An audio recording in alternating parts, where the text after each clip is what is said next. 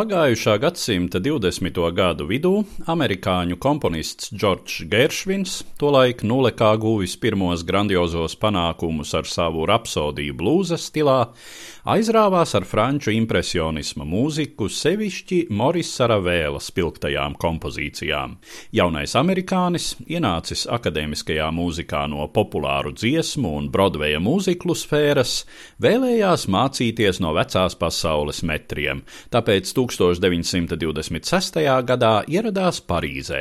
Tomēr jau pirmajā tikšanās reizē Ravels paziņoja, ka nav gatavs kļūt par Geršvina mentoru, tāpat arī komponiste un izcilā pedagoģe Nadija Bulanžē, pie kuras Ravels nosūtīja amerikāni. Potenciālie franču skolotāji, paši tobrīd amerikāņu džēza savaldzināti, bija vienisprātis, ka viņu skološana var tikai sabojāt Geršvina neatkārtojamo stilu. Kā to formulēja Ravels, kāpēc jums jākļūst par otršķirīgu Ravēlu, ja jūs jau esat pirmklasīgs Geršvins? Tikām Parīzes atmosfēra, radošuma piesātinātais gaiss, kuru tobrīd elpoja Ezra Pauns un Ernsts Hemingvejs, Pablo Picasso un Salvadors Dalī, Žans Kokto, Francis Pulenks, jau piesauktais Ravēls un vēl daudzi, daudzi citi neizbēgami iedvesmoja arī Geršvinu un kad pāris gadus vēlāk ilggadējais Ņujorkas simfoniskā orķestra vadītājs diriģents Walters Damrošs aicināja Geršvinu radīt darbu orķestra sezonas atklāšanas koncertam, viņš komponēja simfonisko poēmu Amerikānis Parīzē, kas savu pirmizrādi Ņujorkas Carnegie zālē piedzīvoja 1928. gada 13. decembrī.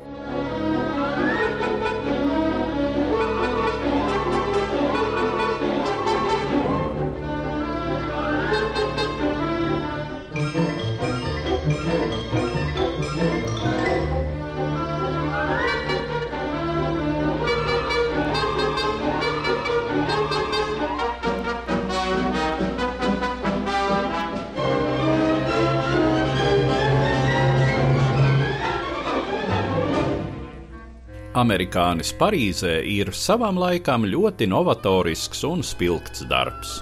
Līdzās visplašākajam pūšamo un sitam instrumentu spektram, orķestra skanējumā dzirdami arī auto skaņas signāli. Pirmatskaņojumā tika lietotas četras īstas taksometru taures, kuras Geršvins bija pārvedis no Parīzes. Pats komponists skaņdarba ieceri raksturo šādi. Mans mērķis bija atainot to iespaidu, kāds rodas iebraukušam amerikānim, kad viņš pastaigājas pa Parīzi, ieklausās dažādos ielas trokšņos un uzsūc sevī francisko atmosfēru. Līksmajai ievaddaļai seko sulīgs blūzs ar spēcīgu ritmisku zemstrāvu. Mūsu amerikāņu draugs iespējams iegriezies kafejnīcā mazliet iedzert, pēkšņi un smeldzīgi sailgojas pēc mājām harmonija kļūst intensīvāka un arī dzen vienkāršāka nekā iepriekšējās lapusēs, šis blūzs sasniedz kulmināciju, kam seko koda, kurā mūzikas noskaņojums atgūst ievaddaļas gleznoto Parīzes ainu dzīvīgumu un dzirkstošo krāšņumu. Acīm redzot, nostalģijas māktais amerikānis pametis kafejnīcu un iznācis svaigā gaisā, nokrata blūza varu un kļūst atkal aizrautīgs Parīzes dzīves vērotājs. Finālā triumfē ielas trokšņi un franciskā atmosfēra.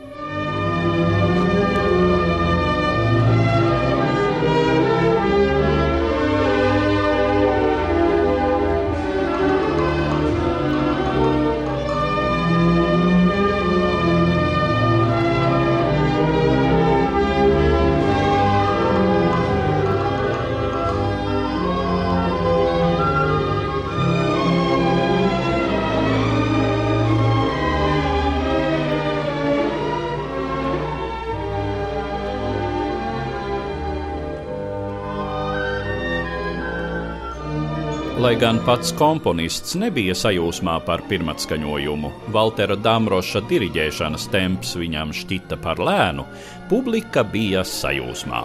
Amerikānis Parīzē ir daudzkārt atskaņots un ierakstos izdots bieži komplektā ar otru ievērojamāko Džordža Geršvina simfonisko skaņdarbu Rapsodija blūza stilā.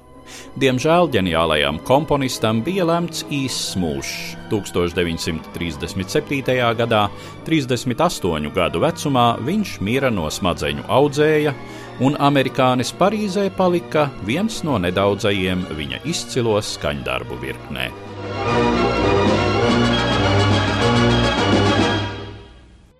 Stāstīja Eduards Liniņš.